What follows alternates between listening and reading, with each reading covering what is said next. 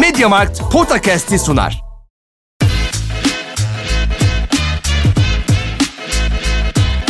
Potakast. Kaan Kural ve Orkun Çolakoğlu'yla NBA gündemine haftalık bir bakış.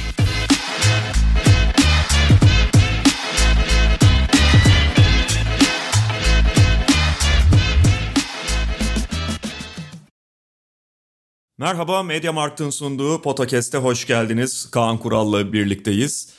Ha, bir hafta sanki böyle Kaan Kural'la birlikte değiliz, başka biriyle birlikteyiz diyeceğim. Bu hafta şey benim için bayram haftası sayılabilir. ne gibi?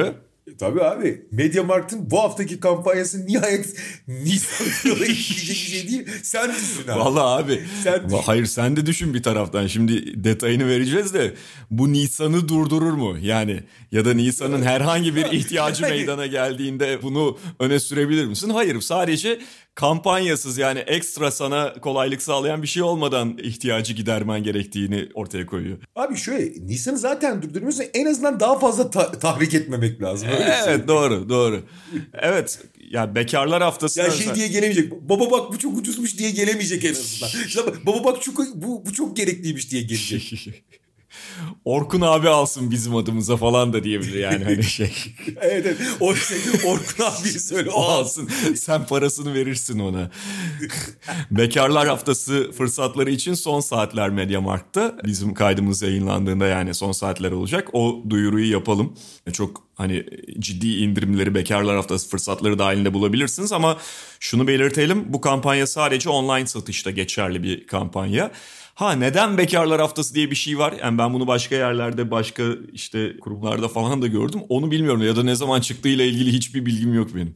Abi Nisan'a şey. Ya babacığım ben evliyim. Yani bize satmıyorlarmış diyecektim ama yani e, hakikaten Orkun abi alsın deyip zaten yemez de Orkun abi alsın der. Yani hakikaten. Nisan Kural da belli bir yaşa geldi. Hani sen bir şeye ulaşamadığında yani ne bileyim o sadece Amerika'da varmış. Amerika'daki bir akraba, eş, dost hani orada bulunan biri, oraya gidecek biri bu bağlantıları yapabilir artık. O yüzden işin zor, kolay kaçış noktaların yok.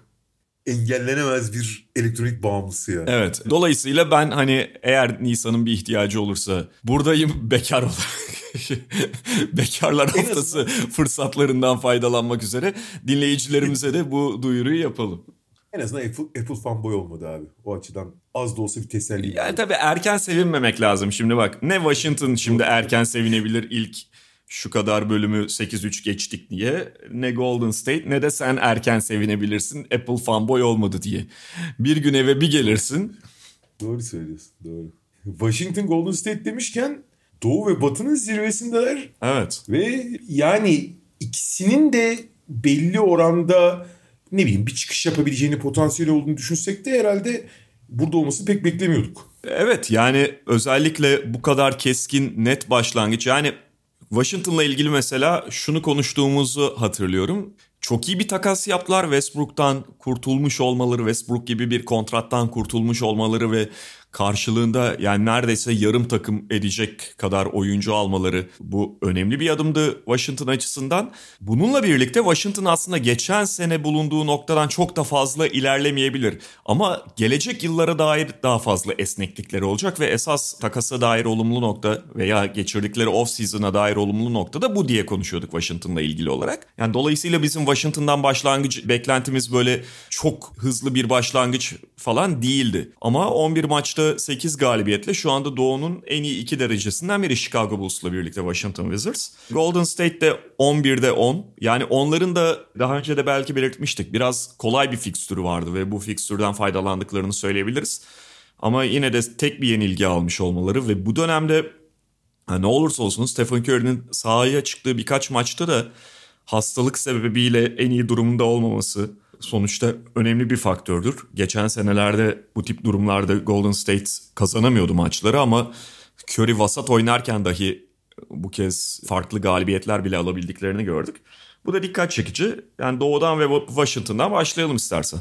Ya Washington'ın yani senin özetlediğin sebepler yani Westbrook yerine bir yarım takım almış olmaları belli gedikleri doldurmuş olmaları işte sezon ortasına gelen Gafford'ın daha yüksek bir role soyunması yani o da bir nevi yeni transfer gibi de kabul edilebilir. Çünkü sezon ortasına gelmişti. Baştan aşağı takımın çevresini değiştirmişti aslında.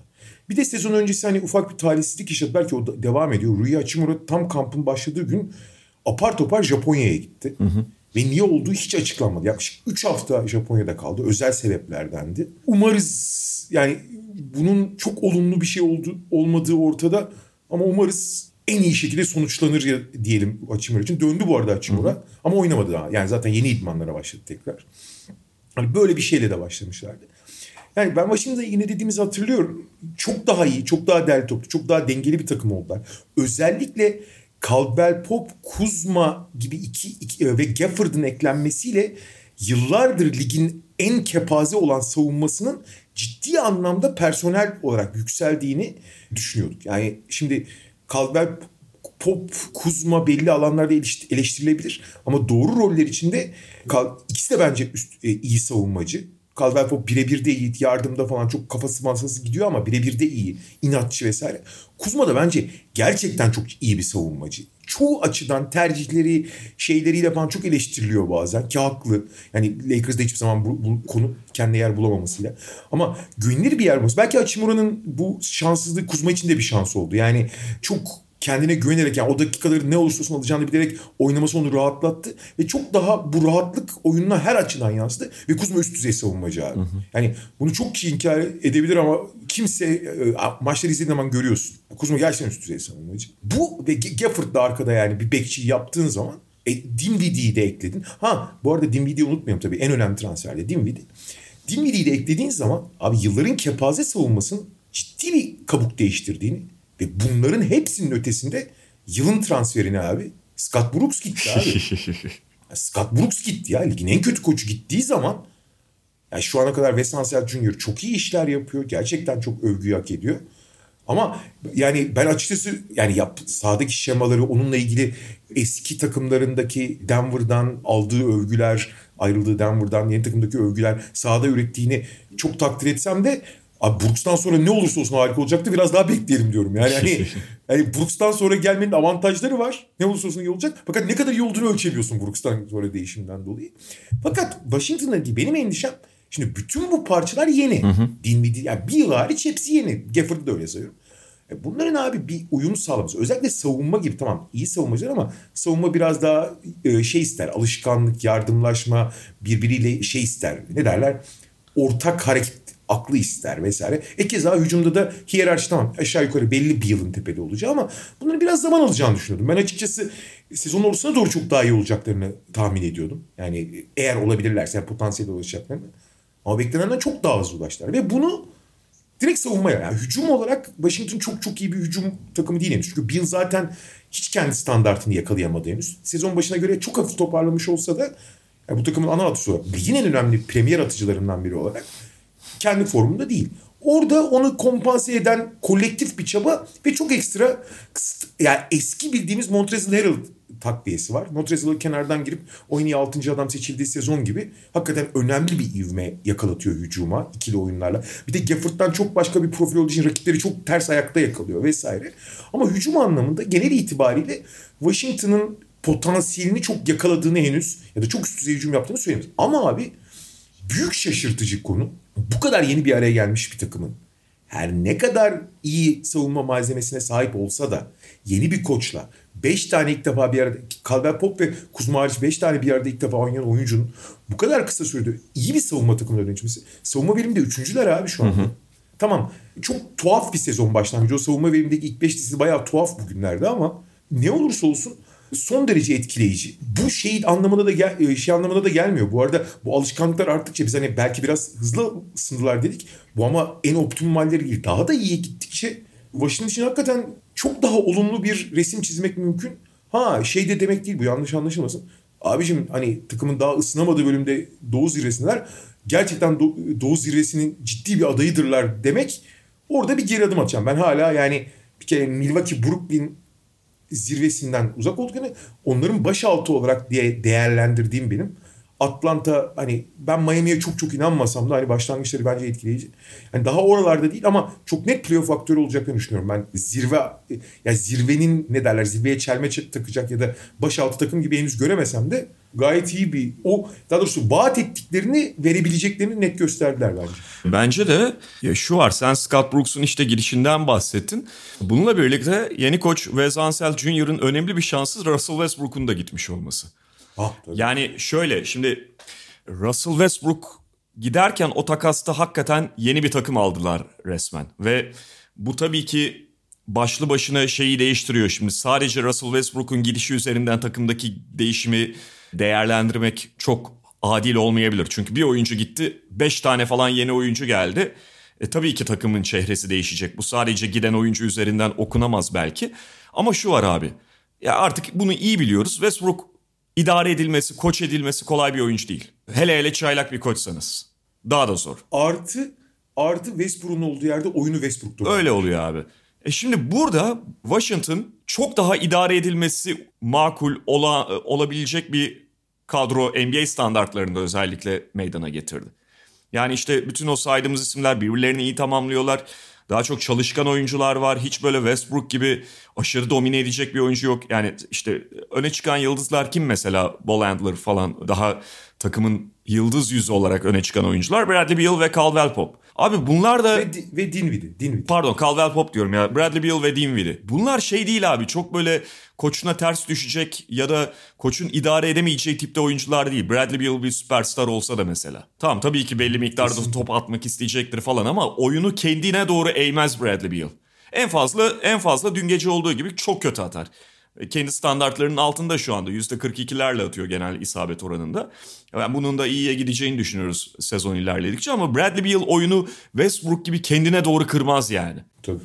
Keza Spencer Dinwiddie de öyle. Mesela onun da şu anda sezon başı ilk 11 maç oynadığı maçlardaki performansı çok tatmin edici düzeyde değil ama kötü oynarken dahi Spencer Dinwiddie takımı beraberinde yokuş aşağı sürüklemez. E bunu onun bir sezon sakatlıktan döndüğünü hatırlatalım tekrar. Evet, evet o da var. Yani muhtemelen o da etken ve sonuçta hani bunların ikisinin de bir yılında Dinwiddie'nin de daha iyiye gideceğini zaten şey yapabiliyoruz. Tahmin Küçük edebiliyoruz. Küçük daha yapayım. Tabii. Onların yedeği olarak oyuna gelen Haul Neto'da tam isteyeceğin türde yani takımı oynatan, koçun dediklerini düzenli yapan çok örnek bir yedek. Aynen öyle abi. Tam bir denge point guard ve iyi savunmacı mesela Raul Neto. Hani hmm. ufak tefek falan biraz ama çok bela olabiliyor. Onu da bir şey olarak kullanabiliyorsun. Artı dediğin gibi tamamlayıcı parçalar aslında burada Washington seviyesinde yani bu takım hedefleri seviyesinde çok kaliteli. Kyle Kuzma'dan biz şeyden beri bahsediyoruz aslında. Bubble'dan beri bahsediyoruz savunmadaki yükselişinden. O kava, Kava'ya yaptığı o birebir savunmadan beri benim ben başka bir gözle bakmaya başladım ve baktıkça vay anasını lan dedim yani. Çünkü onu biraz bu zıpçıktı halleriyle falan göz ardı ediyoruz ya biz. Ya ulan disiplinsiz, istikrarsız falan filan diye dikkatli gözle ben o Kava'ya yaptığı savunmadan sonra Ulan hani bu bizi dikkatli izlediğiniz zaman abi hani hakkını çok yemeyelim yani. Hakkını çok yemişiz abi. Ve şey de var bunun dışında çok iyi reboundçı abi Kyle Kuzma. Evet. Mesela bu sene Lakers'ın sakatlıklarla birlikte 4 numarada bir arayışı zaman zaman şeyi oluyor, eksiği oluyor. Kyle Kuzma birçok şeyini aslında takım kapatabilir. Tabii ki Lakers'ta oynarken şey tarafıyla da hani bu zıp çıktılığı işte sosyal hayatı çok hareketli olması bilmem ne. Bunun dışında şut performansının aşırı istikrarsız olması da biraz muhtemelen Kyle Kuzma'nın Kyle Kuzma hakkındaki algıyı negatife doğru götürüyordu. İnsanlar şey diye düşünüyordu yani ulan bir üst üste iki maç iyi şut sokamıyor da ya da bir maç içerisinde bile Kyle Kuzma'nın gitgelleri çok fazla oluyordu. Şimdi çok daha stabil bir performansı var. Yani ne kadar böyle götürebilecek bilmiyorum ama daha istikrarlı hal aldı gibi Kyle Kuzma. Ne kadar sezon şut isabet oranlarına pek yansımamış olsa da. O önemli. İşte Montrezl zaten bu tip bir rol aldığında yani böyle takımlarda şey bunu geçmişte Clippers'ta da göstermişti. Çok iyi bir kenardan gelen skorer oluyor. Yani çok net parçalar, birbirini tamamlama anlamında net parçalar, çok koç için uygun parçalar. Bir çaylak koçla yan yana getirdiğinizde bu parçaların hani koçun boyunduruğu altına girme şeyi daha da önemli hale geliyor. Elbette senin de söylediğin gibi yani 8-3 düzeyinde bu galibiyet oranıyla devam etmeyeceklerdir. Ama Westbrook kontratından kurtulurken böyle bir takım ortaya çıkarmış olmaları da çok büyük bir başarı ve gelecek daha da iyi olacak Washington için. Son bir şey ekleyeyim abi. Bu savunma personelinden bahsetmeyin hakkını yemeyelim. Dani Avdia'da abi. Belki ayak ya beyaz olduğu için ayakları çok çabuk olmak için göz ardı ama o çok müthiş savunmacı Dani Avdia'da. Peki Batı'da Batı'nın birincisiyle Golden State'le devam edelim. Öncelikle birincileri konuşalım dedik. Golden State'de 11'de 10 galibiyet. Onlar da Batı Konferansı'nın en iyi takımı durumunda işte üst üste 6 galibiyet almış durumdalar. Biraz önce de söylediğimiz gibi biraz burada yani fikstürden bağımsız konuşamayız Golden State'in derecesini. Çünkü işte iki defa Oklahoma City Thunder'la oynadılar. Bir kez New Orleans Pelicans'la oynadılar. Bir kez Houston Rockets'la oynadılar. Şu anda ligin en kötü 4 takımından 3'ü bunlar. Dün sabah işte Minnesota Timberwolves'u yendiler. Onun dışında hani Sacramento galibiyetleri var vesaire. Böyle çok zor bir fikstürden çıkmadı Golden State. Ama bu takımın geçen seneye göre çok daha seçenekli olduğu, Stephen Curry haricinde de çözümlerinin olduğu açık ve bu galibiyet serisinde ya da işte 11 maçta 10 galibiyeti alırken biraz bunu ortaya serdiler. Geçen sene de iyi performansları vardı savunmada. Geçen sene de ligin iyi savunma takımlarından biri olmuşlardı. Hatta biraz ben şaşırmıştım açıkçası. Yani geçtiğimiz sezonun başlarında Steve Kerr'ın hatırlayacaksın bir şey demeci vardı. Bizim hedefimiz takımı savunmada ilk 10 içerisine sokmak gibi bir şey demişti. Ben de hatta ilk duyduğumda ya hadi canım nasıl yapacak bu kadroyla demiştim. Oldu. Geçen seneki savunma genel savunma anomalisi de belki bunda katkı sahibiydi ama bir şekilde doğru parçaları kullanarak savunmada kendisine katabilecek oyuncuları öne çıkararak ki bu da önemli bir şeydir bir koç için. O hedefine ulaştı. Hatta ilk onun ya yani ilk beşin içerisinde yer almıştı Golden State öyle hatırlıyorum. Şimdi birinci takım durumundalar ki savunmaların tüm ligde geliştiği bir dönemde bir sezon başında yine de bütün o gelişen savunmaları geride bırakmış durumda Golden State Warriors ve gayet net bir farkla şu anda birinci sıradalar defensive rating'de. Hücumda da dediğimiz gibi yani Stephen Curry harici çözümü çok daha fazla çözüm var geçen seneye kıyasla bu takımın.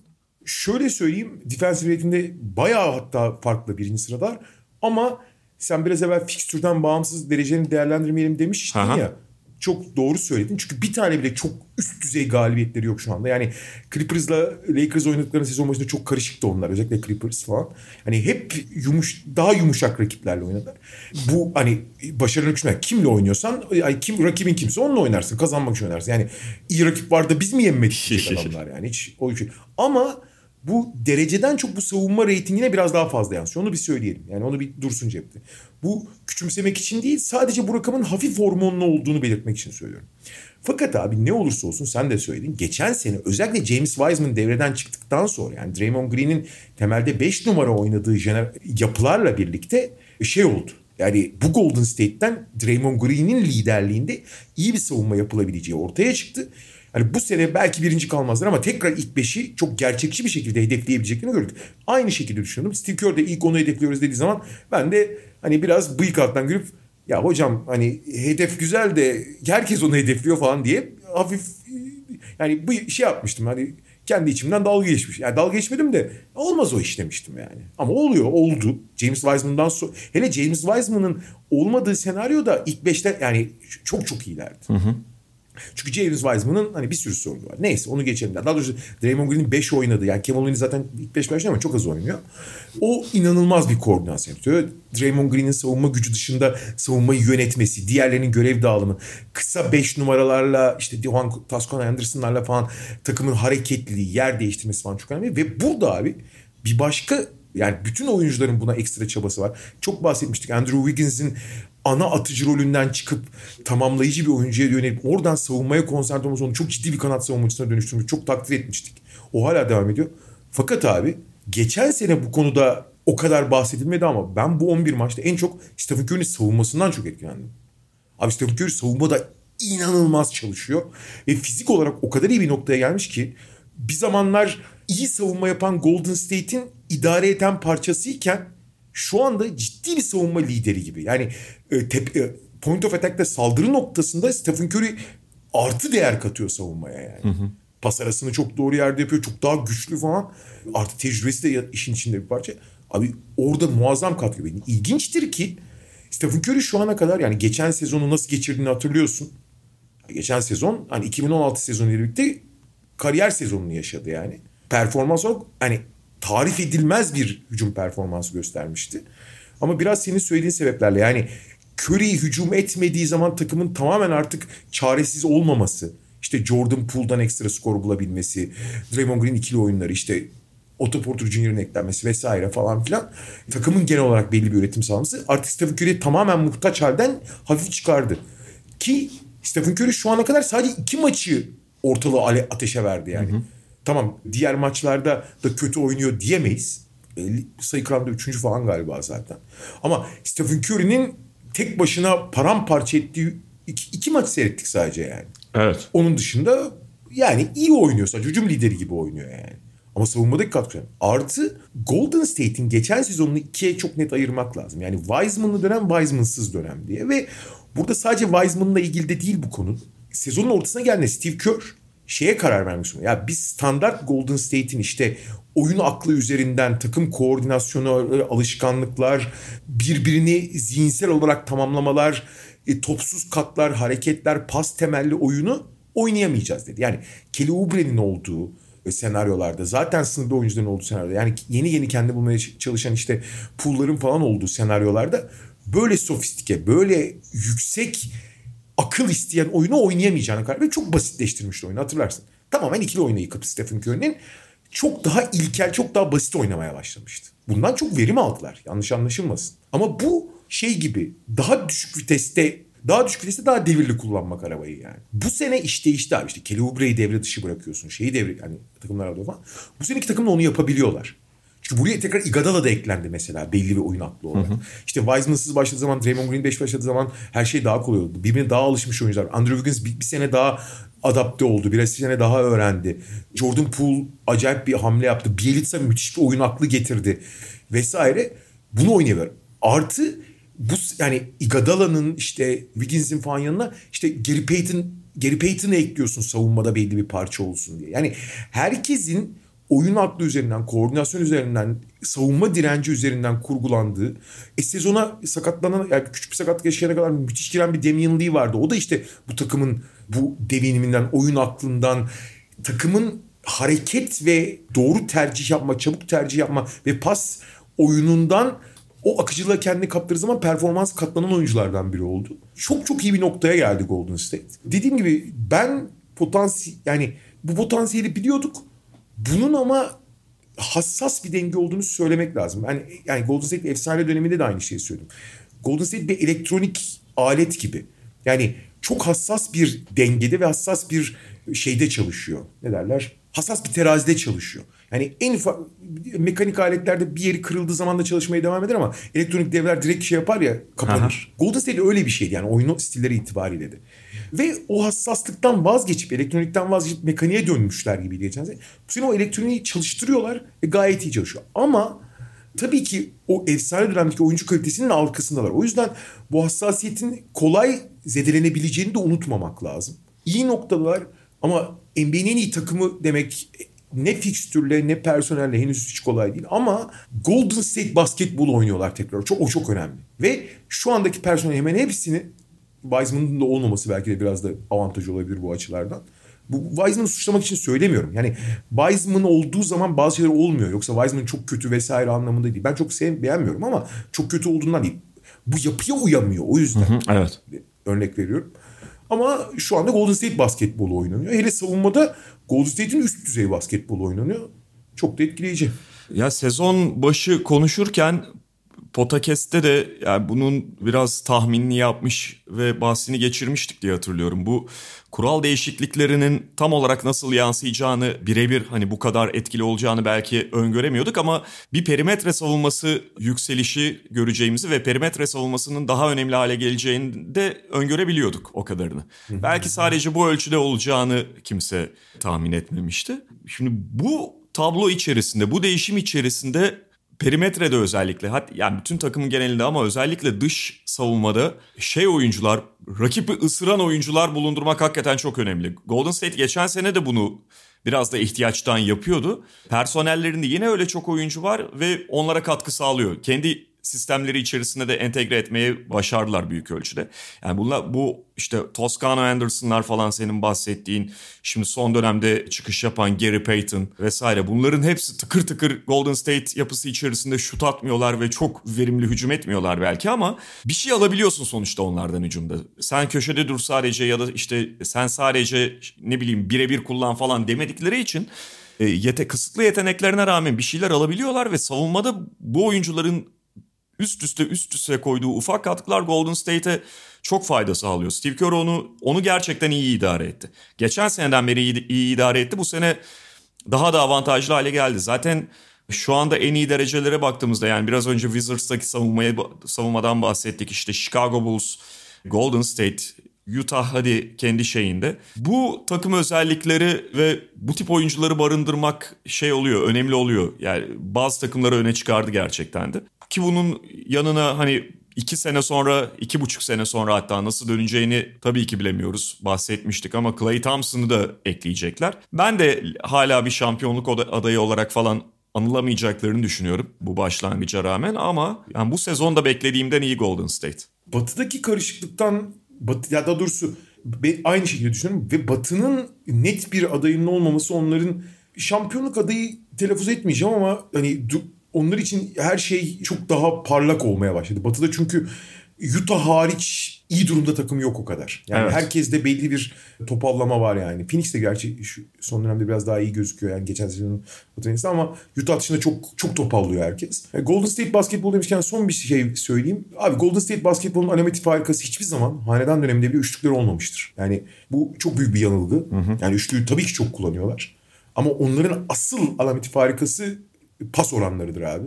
E, asist ratio yani asist oranıdır hı hı. hücumdaki. Orada her zaman birincilerdi ve ikinciye ağır farklar atarak birinci oluyorlardı. Bu sene de net birinciler. Golden State basketbolu odur yani esas. Evet. Peki Nikola Jokic olayını konuşalım abi. Oradan yine takımlarla devam ederiz. Geçen gün Denver'ın Miami Heat'i yendiği maçın sonlarında Jokic ile Markif Morris arasındaki tatsızlık gündeme damgasını vurdu. Sonrasındaki cezalar. Jokic Morris tatsızlığı. Tatsızlık demeyelim de biraz şey basketbolun görmek e, sahalarda görmek istemediğimiz hareket. Evet.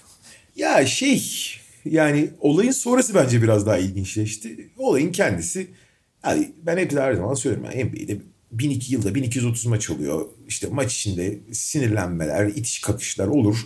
Arada biraz bazı oyuncuların hani zaman zaman şeyden hani kontrolden çıkabilmesi mümkün. Abartılı yerlere gitmediği sürece ki yani David Stern döneminde öyle bir demir yumrukla indi ki üstüne artık şey tamamen sinirlerini aldılar oyuncuların ve çok daha sterilize bir ortam var. Her ne kadar Adam Silver çok daha geniş davrandığı için biraz daha aşılsa da böyle şeyler olabilir abi. Spor bu yani. yani adrenalin yüksek olduğu bir ortam.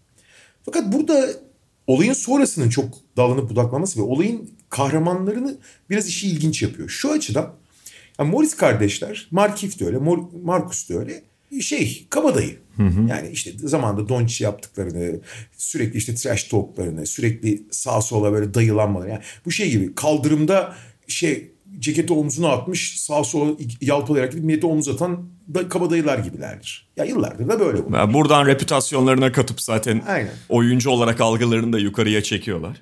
Ve genel olarak baktığın zaman da aslında brulü oynuyorlar biraz. İşte doğalarında o kadar da yok bunlar. Bunlar şey işte siyahi mahallede büyümüş hani zor bir mahallede büyümüş. Oradaki işte çetecilerden öğrendiklerini sağa sola satmaya çalışıp hani şey gibi çeteciliğe özeniyorlar. Yalnız biraz. şeyi de söyleyelim abi ben açıkçası bilmiyordum bu olaydan sonra duydum. Bunların üniversitede acayip bir olayı varmış abi. Kentucky Üniversitesi'nden ya bunlar. Kentucky'nin futbol takımına toptan ya ikisi kafa tutmuşlar galiba. Artık olay nasıl patladı bilmiyorum da. Ya tabii içinde de kalmış olabilirler. Bilmiyorum da bütün Kentucky futbol takımıyla kavga ettiklerine dair bir şey okumuştum geçenlerde. E o zaman o kadar da şey değillermiş. ya da o zaman şey mecbur kaldılar yani. Hani nasıl bir yerde olabilir, bir partide olabilir. mi patladı hadise onu bilmiyorum. Olabilir ama yani gerçekten kabadayılığın altını dolduracak bir şey NBA'de hiç yapmadılar. Yani hep lafta çok havlıyorlar yani o kadar. Dışında bir numaralarını görmedim. Şimdi burada da Markif Morris gene çok çirkin bir şey yapıyor yani. Hani o kabadayılık oynarken iğrenç bir şey yapıyor. Bitmiş maç 20 sayı yemişler. Yok içe yandan hayvan gibi vuruyor ve orada hani çok kasıtlı çok genelde böyle kaburgalarına doğru vurmak, canını acıtmak istiyor. Hafif ama dizi de çarpıyor ki o çok tehlikeli olabilir. Dizi yan dönebilirdi.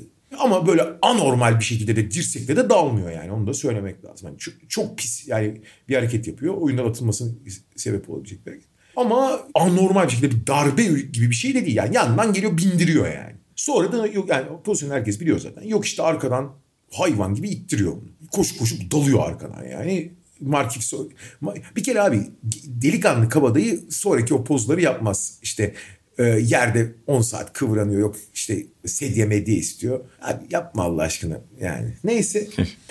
Sonrası yalnız işin yani işte daha sonra işte yok hiçbir maç ceza aldı doğal olarak ki belki de iki maç bile alabilirdi bence. Mark Morris ile daha sonradan çok konuşan Jim Butler da para cezası aldı. Yine Adam Silver'ın hani hafif geçirdiği bir olay oldu. David Stern olsa neler yapardı düşünüyorum ben. David Stern olsa minimum yok hiç 5 maç. İşte Markif 2 ya da 3 maç, Jim Butler bir maç, bir, bir, bir, birkaç kişi yani 10 kişi falan para cezası, bir kişi falan da bir maç ceza alırdı muhtemelen. Tabii tabii. Ama o işler çok değişti işte ya. Yani son iki Aynen. senedeki net örneklerde gördük bu Lakers-Houston kavgası falan ve sonrasında bir iki örnek daha. Tabii canım o Rondo Pol olayında Aha. falan neler oldu yani. Şey sonra yalnız Marcus Morris Twitter'a gidip kardeşim arkadan saldırıyorsun bunu not ettim falan gibi öyle bir dayılık yaptı. Bunun üzerine yok için abiler iki tane abisi var. bir hesap yapıp oğlum bak Marcus Morris oğlum bak bırak bu işi burada. Önce senin kardeşin vuruyor. Bunu uzatmak istemezsin. Burada kalsın. Yani ayağın denk al dediler böyle. Ama yani şimdi abi gerçek kabadayıyla kabadayı rolünü oynayanlar arasındaki fark. Abi yok için abileri yapan uğraşılmaz. Yani hakikaten yani James Johnson değilsen yolunu değiştir abi. Yani hakikaten. Hiç uğraşılmaz onlar. Ki James Johnson'san bile bir düşün yani. Hani sen de abilerini çağır derim ben yani. Abi uğraşılmaz onlarla. Yani geçmişleri de ortada. Adamların etnik kökenleri, şeyleri, bu tip ikili çatışmalara bakış açıları da. Hiç uğraşılmaz. Nitekim abi Nikola Jokic maçtan sonra inanılmaz bir şekilde olayı alttan almaya özür diledi. Ya Markif'in kafası çok kötü geriye gitmiş çok üzüldüm böyle şey yapılır mı? Allah benim belamı versin ne kadar getirdi. Ben o mesajın tamamen abilerine olduğunu düşünüyorum. Abi, abi tamam abi vurmayın çocuğa der gibi. Olayı çok yumuşatmaya çalıştı yok hiç. Suçu da üstüne aldı falan. Ama şu, burada da şu var. Yani bir, yani onların sağ dışındaki işte kabadayılıklar, magazin tarafları beni çok ilgilendirmiyor. Yani sonuçta bu iş unutulur. Morrisler bu işi kovalamazlar. Kovalamasalar iyi ederler zaten çünkü internette yani şeyde sosyal medyada herkes Marcus Morris'e işte Marcus Morris biraz diklenmeye çalışınca Oğlum bak yapma etme diye akıl verdi zaten. Aha. Markus yapma. Bu senin Campton mahallesinde arabayla takılıp sağa sola atmana benzemez değil. Sakin ol bunlar Balkan çocukları falan diye. Binlerce kişi akıl verdi. Burada asıl mesele şu abi bence. Yok için bir süredir bu ilk değil başka konularda saha içindeki huzursuzluğu, mutsuzluğunu çok çabuk fiziksel harekete dönüştürmeye başladığını görüyoruz. Bundan önce 3-4 kere işte bir foul çalınmadığı pozisyonda sırf hakeme itiraz etmek için gidip rakip takımdaki toplu oyuncu hayvan gibi vurup sonra gidip hakeme bağırıp çağırdığını. işte böyle işte tak, maç kötü giderken rakipten birine yani biraz taktik abartılı taktik fauller falan yaptığını görüyoruz. Abi yok inanılmaz değerli bir oyuncu. Yine olağanüstü bir sezon geçiriyor. Bunu bu güdülerini biraz dizginlemesi gerekiyor abi. Burada ne kadar yani pozisyonda pozisyonda haklı olsa bile yani o adrenalinle anlaşılabilir olsa bile anlaşılabilir başka bir şey kontrol etmesi gerekiyor başka bir şey abi. O alttan alma konusu da yani hakikaten şey abi abilerinin hapse düş hapislik olmasından falan endişeleniyor olabilir. Haklı olarak. Yalnız şeyi görmüşsündür. Miami'ye bilet almışlar. İki hafta sonra Miami'de maç var. Yani bir daha oynuyorlar.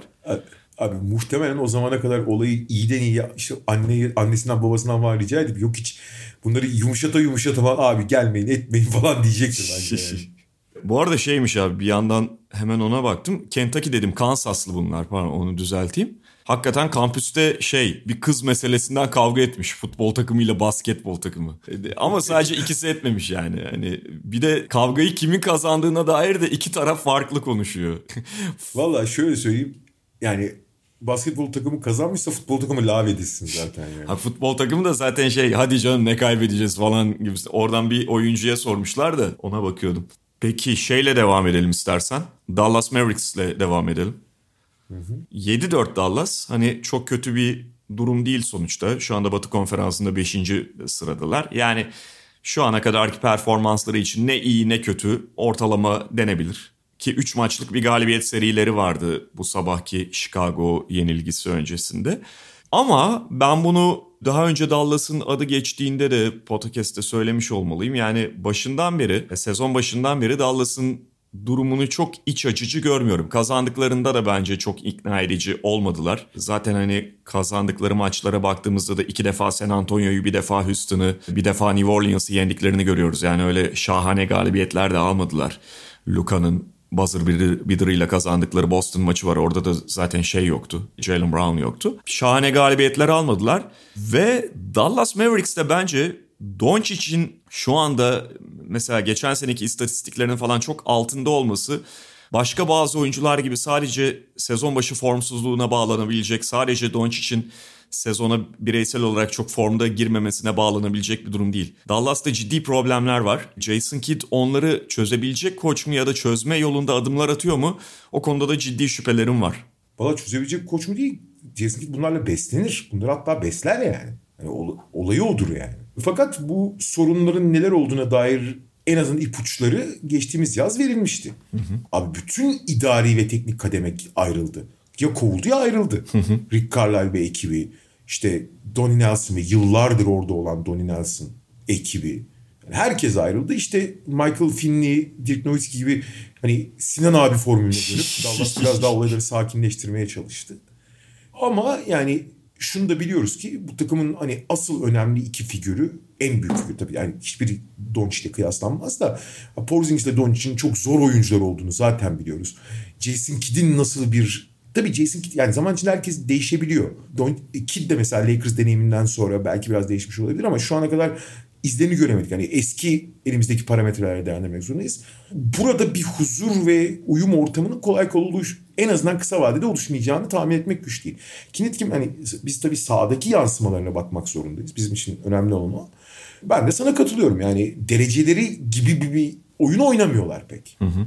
Jalen Brunson'ın olağanüstü bir performansı var. Onun dışında ha, Porzingis gene işte sakatlanıyor, oynamıyor. Oynadı Porzingis bu arada oynadığı maçlarda biri hariç hiç fena gözükmüyordu ama sadece 5 maç oynadığı için hani abicim adamlar 10 maç yapmış. 5'inde oynamış yani. yani. Yarısında oynamamış zaten.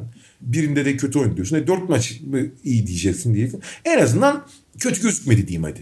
Fakat yani bir kere Kid'in her şeyden önce klasik bir 5 numarayla oynama ihtiyacı Dallas'ı asıl farklı kılan o 5 dışarıda oyunlarının biraz zorlanması en azından yani oynayamaması anlamında en azından yani Carlisle dönemi boyunca takımın çekirdeğinin alıştığı oyunundan farklı bir şey oynamalarını gerektiriyor. Hiçbir şey olmasa bu bir alışma süreci gerektirir. Hani bunun verimi de ayrıca tartışmak. Ben yani 5 dışarıda özellikle Doncic gibi merkezi bir oyuncunun olduğu hareket alanı isteyen bir oyuncunun olduğu yerde 5 dışarıda çok daha verimli olduğunu düşünüyorum. Ama bunun yansımaları vesaire zaman içinde bunu yarattığı şeyler ortaya çıkıyor. Fakat bu takımın asıl problemi yani teknik tarafının dışında takım içi dinamikler. Ve ben açıkçası Doncic konusunda da sana çok katılıyorum.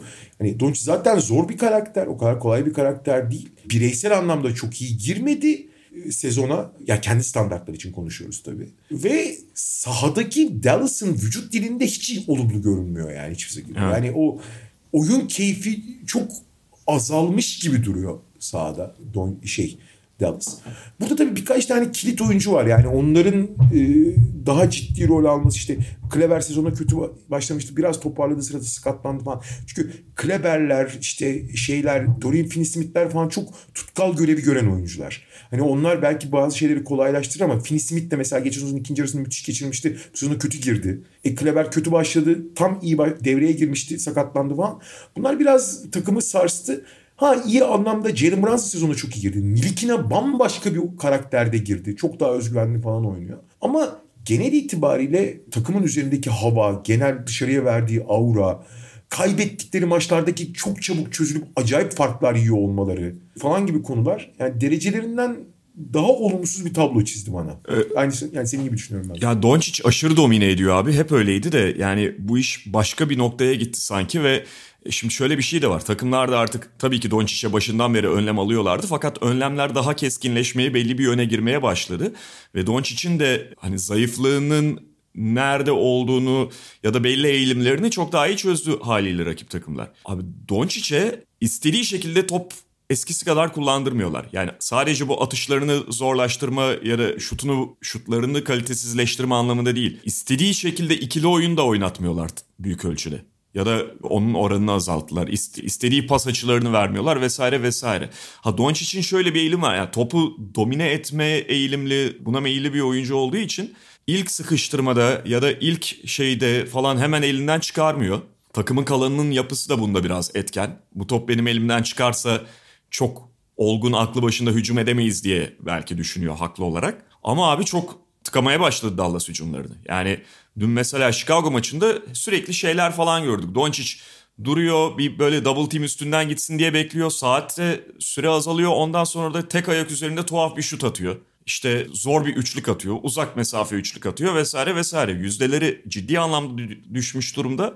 Takımın yani ilk beşin daha doğrusu diğer oyuncularının hiçbirinin Doncic'ten o top yönlendirme yükünü alabilen oyuncular olmaması da bu durumu katmerliyor. Yani dediğim gibi Doncic de muhtemelen yanındaki oyunculara bakıp beraber sahada yer aldığı beşe bakınca topun benim elimden çıkması çok hayırlı olmaz diye düşünüyor ve giderek bunu, bu oyunun içine saplanmaya başlıyor Dallas. Ben yani o yüzden Jalen Brunson'ın Doncic'le birlikte oynadığı dakikaların artması gerektiğini düşünüyorum. Yavaş yavaş artıyor zaten. Artıyor. Yani Jalen Brunson 29 dakikalara geldi. Yani kenardan getirmeye belki devam edebilir Jalen Brunson'ı ama bu takımın bütün geniş kadrosunda yani Trey Burke'leri falan saymıyorum. Onun zaten kendine kendi kendine acayip bir problemi var. Yani kadroda ama bir katkı veremiyor Trey Burke.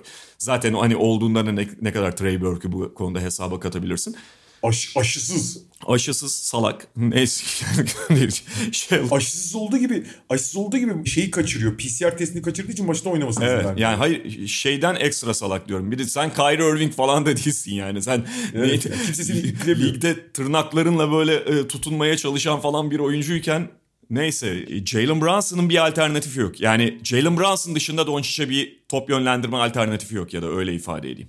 Ve mutlaka evet, mutlaka Brunson'ın kullanımını arttırması gerekiyor Jason Kidd'in. Çünkü bu takımı iyice Doncic'in üzerine oynayarak tıkamaya başladı rakiplerde. Yani takımın diğer bütün problemleri bir kenara. Zaten bu topu Doncic'in elinden çıkartmaya zorlarsak bizi cezalandıramazları bulmaya başladı takımlar. Çünkü dediğin gibi yani 5 dışarıda 4 dışarıda falan oynarken Dallas Doncic'i birebir oynatıp son anda yardım getirirsen o zaten boş şutu buluyor kaliteli şut veriyorsun. Ondan sonra sokup sokmamalarına bırakıyorsun kendini biraz. Ama erken topu elinden çıkarttırabilirsen Doncic'in ya da biraz böyle işte yalancı double team getirip yani 24 saniyenin sonlarına falan yönlendirebilirsen Dallas'ı şu anki ya da dün sabahki işte o Chicago maçındaki tablolar daha fazla ortaya çıkıyor. Çok haklısın ama 5 yani klasik 5 numarayla oynamanın da Doncic'in hayatını biraz belli açılardan da zorlaştırdığı da var. Yani biraz daha fazla 5 dışarıdaları oyn oynaması gerekiyor. Bu ikinci yani Doncic'in elinden erken top çıktıktan sonraki karar vericilik çok çok önemli. Ama diğer türlü de yani Doncic istediği yerde top alıp istediği zaman oynadığı zaman da en Doncic'in en sevdiği şey nedir abi? Savunmacısının kalçasını alıp hı hı. onu yani kalçasındaki oyuncunun ters tarafına doğru giderek böylece hani başka bir savunmacı geldiğinde ikili sıkıştırmaya girmiş gibi aslında ikili sıkıştırmaya falan değil istediği hareketi yapıyor olmuş oluyor.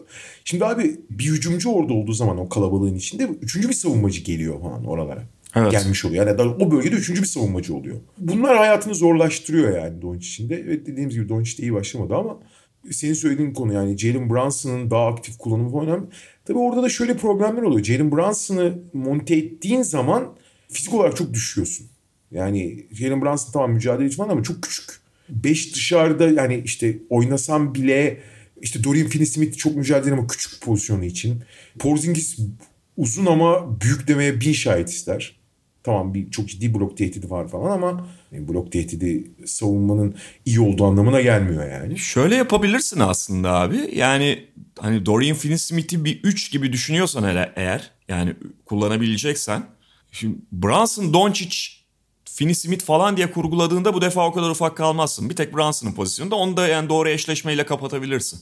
Ha şimdi öyle yaparsan tamam ama öyle yaptığın zaman da ciddi şut problemi ortaya Hı-hı. çıkıyor.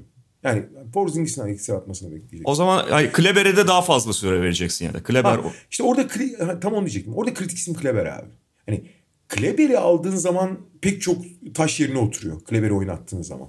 o zaman Cleveland Cavaliers. Kleber, Kleber maalesef sakat ama çok ciddi bir şey yok. Yani en geç bir haftaya kadar dönecek zaten. Cleveland'la devam edelim. Cleveland Cavaliers da lige en iyi başlayan takımlardan biri. Ve Çok etkileyici galibiyetler aldılar. Bunun yanında çaylak Evan Mobley'nin performansı beklenenin de üzerinde. Yani 4 maç üst üste kazanmışlardı. 5 yapmak üzereydiler. Dün Wizards'a son bir buçuk dakikada falan verdiler maçı. Yani ceplerine koymuş gibi gözüktükleri bir maçı. Ya ne yazık ki Colin Sexton'ı kaybettiler. Menisküs yırtığı var Colin Sexton'da ve yani şu anda bir şey açıklanmadı onun durumuyla ilgili bir zaman çizelgesi işte şu kadar da dönecek gibi ama genellikle menisküs yırtıklarında bir buçuk ay gibi bir süre oluyor oyuncunun dönmesi. Tabii ki Şöyle, tedavi yöntemine de bağlı olarak. Ha tabii ki. Törpülemeyi tercih ederlerse işte 5-6 hafta deniyor.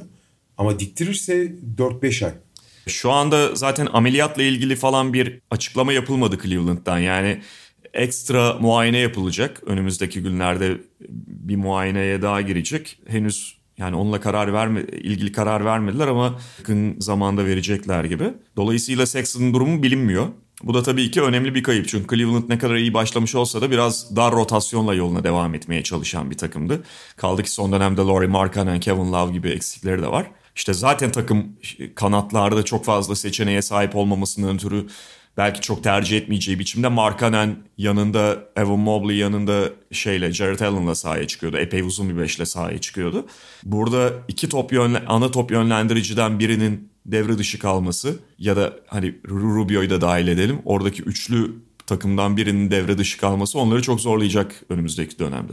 Valla açıkçası ama bu sezon bana en heyecanlandıran takım oldu. Bir kere her şeyden önce senin de söylediğin o kanat eksikliğinden dolayı mecburiyet de olsa herkes gider Mersin'e biz gideriz tersine basketbolu çok ilgi, ilgi çekici. Yani herkes kısalırken hı hı. ve kısalıktan 5 dışarıdan işte hareket mobil uzunlardan verim alırken hani 3 tane 2-15'lik oyuncuyla oynamak çok ilginç. Tabii burada Markkanen'in ve Mobley'nin hareketliliğinin çok büyük payı var. Jared Allen'ın da keza guard önünde kalabilecek bir lateral hareketliliğinin. Bir de sürekli alan savunması koyuyorlar yanına alan koyup Mobley'i tepeye koyuyorlar. O uzun her yeri yetişebilen haliyle acayip bozuyor vesaire. E, artık klasik yani iki tane 2-13 tane 2-13 3 tane hani hareketsiz adam da koymuyorlar. Hani ondan biraz farklı ama tabii ki ideal değil. Ve açıkçası Mobley hani bütün beklentilerin çok üzerinde bir katkı veriyor. Ben genelde hep söylerim.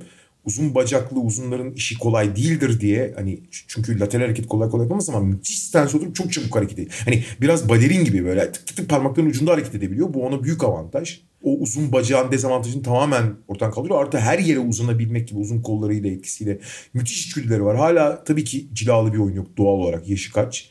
Ama çok özel içgüdüleri var. Ve Jared Allen'da bence harika bir kolay. Çünkü Jared Allen'da hani öyle işte kendini yıldız gibi gören ya da çok top isteyen falan bir oyuncu olmadı ama her tür bir şey yapabildiği için işte sürekli switch yapabiliyorlar, guard önünde kalıyorlar vesaire. Güzel bir denge oluşturdular. Ama abi yani bugün basketbolunda iyi kanadın olmadığı zaman hani iyi bir savunma kurgulamak çok zor oluyor. Buna rağmen hani iki iyi kaleciyle, iki hareketli uzunla işte Allen ve Mobley'i söylüyorum. Bayağı idare ettiler. Artı takımın kısalarında ciddi çabası var. Çaba tabii ki başarıya her zaman sonuçlanmıyor ama en azından şey var. Bir direnç koyuyorlar Garland'a.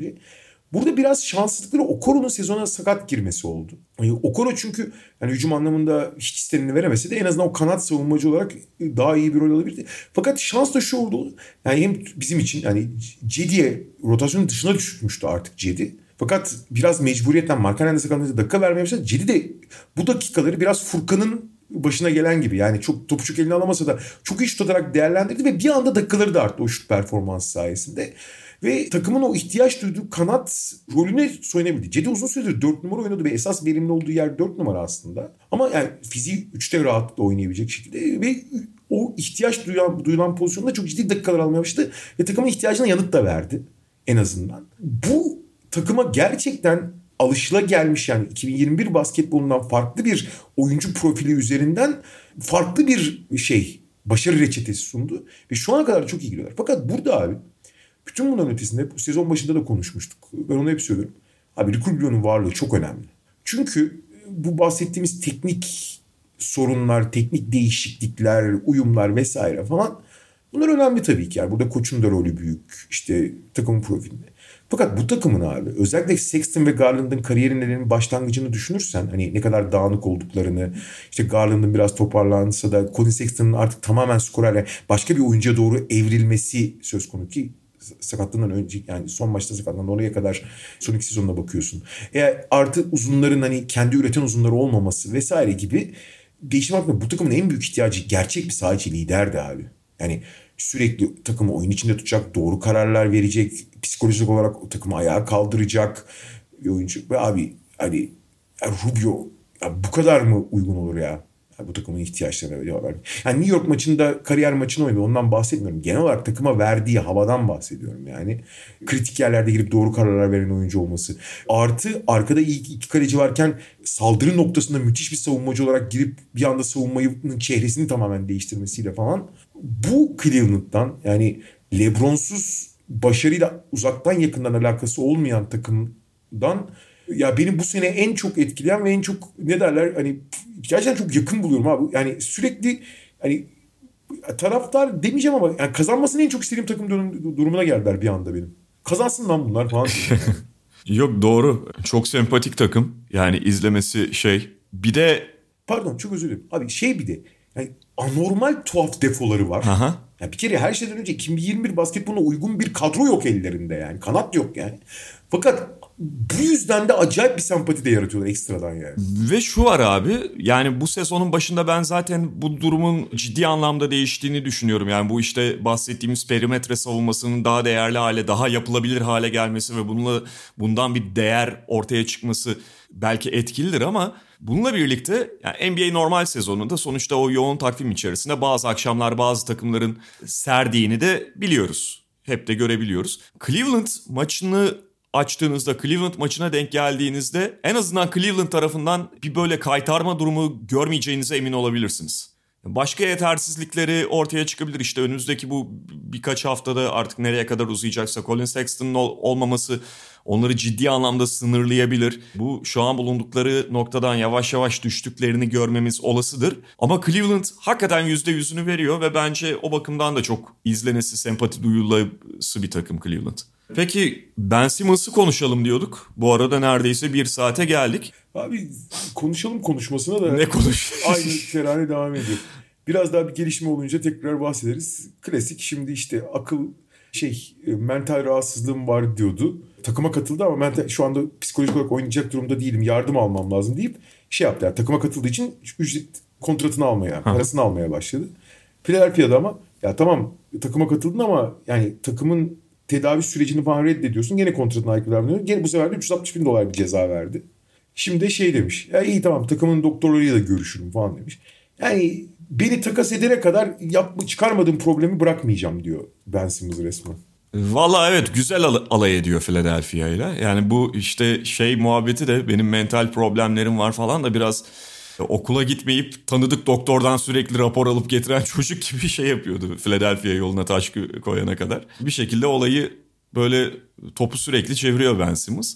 Diğer taraftan sağda işler çok iyi gittiği için kimse de e, ne yaparsan yap falan diyorlar. Yani ben Simmons'a ihtiyacı yok bu takımın mesajı veriyor sağda takım bir de. Evet. Ee, ama... O da başka bir dinamik yaratıyor yani. Ya... yani ben Simmons'ın bu protestosunu çok güçlü bir kaldıraça dönüştürmüyor yani. Yalnız işte bir hafta içinde falan o iş çok değişebilir. Yani özellikle Şöyle biz bu kaydı eğer 3 gün önce yapıyor, dolduruyor olsaydık mutlaka Philadelphia'yı konuşacaktık. Çünkü 8-2 başlamışlardı ve daha şaşırtıcı olan offensive ratingle birinci olmasıydı Philadelphia'nın. Yani bana sezon başında da Philadelphia ilk 10 maçı 8 galibiyetle geçecek desen ben şey diye tahmin ederdim. Herhalde acayip savunma yapacaklar Ben Simmons'ın yokluğunda diğer parçalarla falan diye düşünürdüm. Ya bir de bunun üzerinde Tobias Harris maç kaçırmışken Embiid işte arada maç kaçırıp bir de sakat sakat oynamışken başka eksikleri varken Danny Green bilmem ne bir sürü eksikle oynuyorken Philadelphia offensive ratingden ratingde birinci olup çıktılar o 10 maçtan.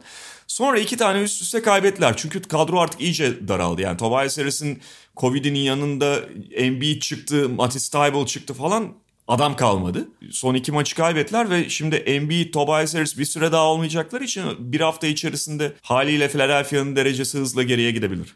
Abi ideal 5'in tamamı belli sakatlıklar yaşadı ya. Evet.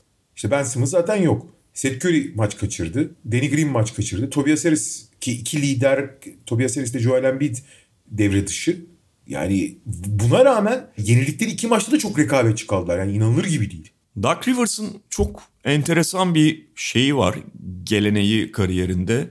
Ya da böyle takımlar belki ona daha uygun. Yani underdog takımlarıyla hep daha baş, çok daha başarılı oldu. Ee, Aynen. Orlando'dan beri. Orlando belli Boston Celtics takımları iki sene önce yani o Kawhi öncesi Clippers takımı o da mesela acayip başarılıydı. Bu Golden State'i zorladıkları seri falan var. Ve bu takım şimdi tabii henüz çok yeni olsa da. Bakalım yani gene de özellikle işte Tyrese Maxey ile Furkan'la gerçi son maçı kötü oynadı Furkan ama o zamana kadar çok iyi oynuyordu. Niang'le falan hani çok ekstra performanslar alıyorlar. Peki onları da takipte olacağız. Bakalım haftaya konuşabilecek miyiz Philadelphia'yı? Diyerek bu haftalık bu kadar diyelim. Medemark'ın sunduğu podcast'te sizlerle birlikteydik. Haftaya tekrar görüşmek üzere. Hoşçakalın. Hoşçakalın. Mediamarkt Podcast'i sundu.